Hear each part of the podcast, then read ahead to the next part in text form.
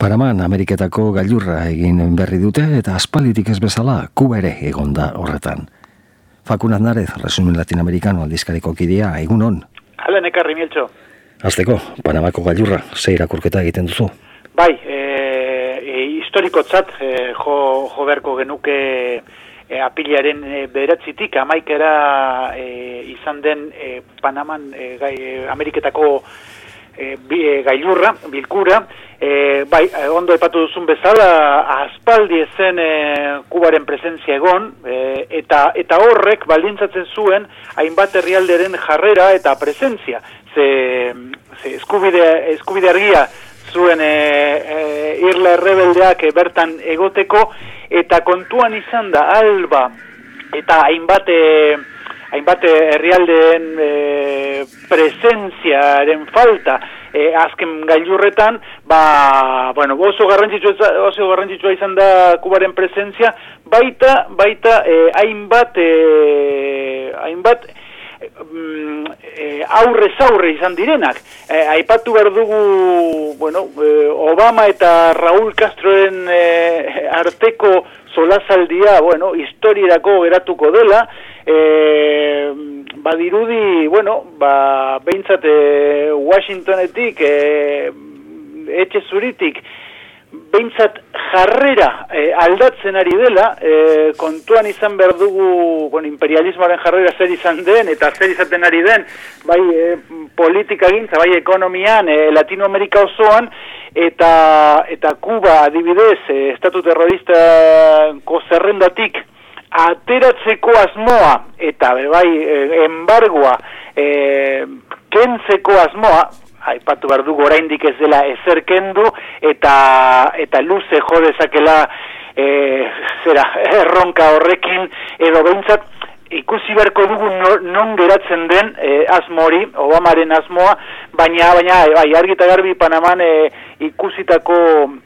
e, jarrerak duela, duela marka da bat, duela bost urte ezinezkoa lirateke. E, nik aipatuko nituzke hain, kontu batzuk e, Panaman e, e, egindakoak edo, edo suertatutakoak. Alde, bate, alde batetik e,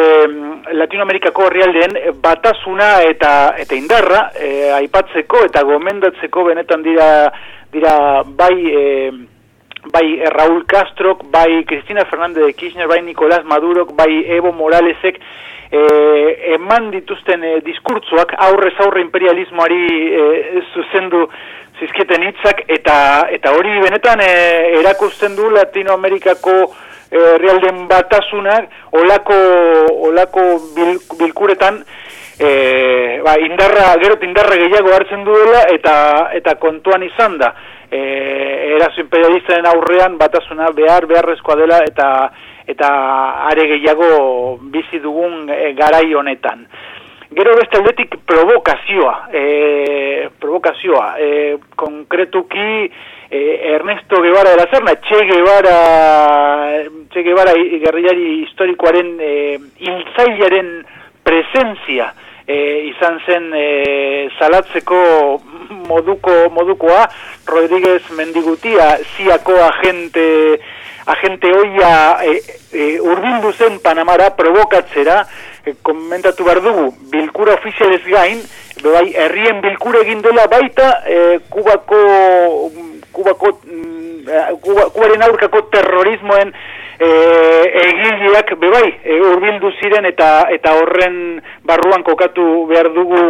e, Rodríguez Mendiguti, hau da Che Guevararen hilzailaren presentzia akuban, e, la, e, Panaman, parkatu. E, gogor salatu, salatu izan, izan da bere presentzia Aleida Guevararen e, den aldetik, e, Che Guevararen e, alabak gogor kritikatu du eta eta argi erakusten, e, erakusten da ba, Miamitik edo Miamin e, potere faktiko daukaten indarra eta eta estatu batutako gobernuan e, daukaten presentzia olako olako bilkuretan ba, euren presentziarekin baldintzatzeko. E, ikusi berdu ikusi berdugu datozen hilabetetan datozen urtetan ze jokaera ze, ze jarraipena izango izango den Panaman ikusitako jarrerak, baina bai, argi argi eta garbi e, irakurketa irakurketa ba, gaur egun Latinoamerikan ematen den e, behintzat imperialismoaren aurrean ba, batasuna, batasunaren argazkia eman dela eta eta are gehiago. E, ozen, ozen salatu izan da Venezuelaren aurkako dekretua, duela gutxi Barack Obama presidenteak sinatutako dek, dekretuak ze, ze argita garbi horrek e, zabaltzen ditu ate, ate guztiak ba, eraso, eraso zuzen, eraso militarra e, bideratzeko Venezuelaren aurka eta, eta hori izan da zuzen ere e, e, Panaman hainbat presidenteek salatu egin dutena. E, horrekin, horrekin lotuta aipatu behar da e, e, kampaina ba, kampaina arrakastatxua bideratu zen e, eunda kamiliak azinadurekin dekretu horren kontra jotzeko eta eta argi, argi ikusten da ba, Latinoamerikan hau batez ba, salatu egin duela imperialismoaren e, e, Venezuelaren aurkako erazo zuzen hori. Bukatzeko fakun, Eduardo Galeano, idazle urugaitarra, hil berrita. Bai, konkretuki astelen honetan e, goizean e, jaso genuen e, zorigaiztoko e, berria, konkretuki Montevideotik, ja e, ostiraldean e, ingresatu, ingresatu zuten e, klinika batean, e, minbizia, jota, e, bueno, idazle ezaguna, e, zenbat mila eta mila e, irakurle dituen, e, dituen eta zituen Eduardo Galeanok munduan zehar eta eta benetan e, kolpe, kolpe latza izan, izan da e, irurogeita malau urterekin hil zen e, Galeano Montevideon eta eta bueno, e, zerrenda liburu, liburu eta ondare e, zer, e, zerrenda luze izan da ba, bueno, aipatuko, aipatuko nuke batez ere, e, bueno, Latinoamerikaren zako eta eta internazionalizan zako las venas abiertas de América Latina liburu ezinbestekoa dela e, irakurketa e, e,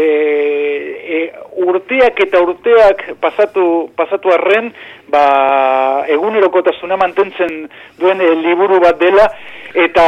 eta Eduardo Galeanoren e, figura ez oilik kazetari bezala, olerkaria, e, e, idazle bezala, bai, bai, baizik eta militante bezala, e, goraipatu nahiko nuke, e,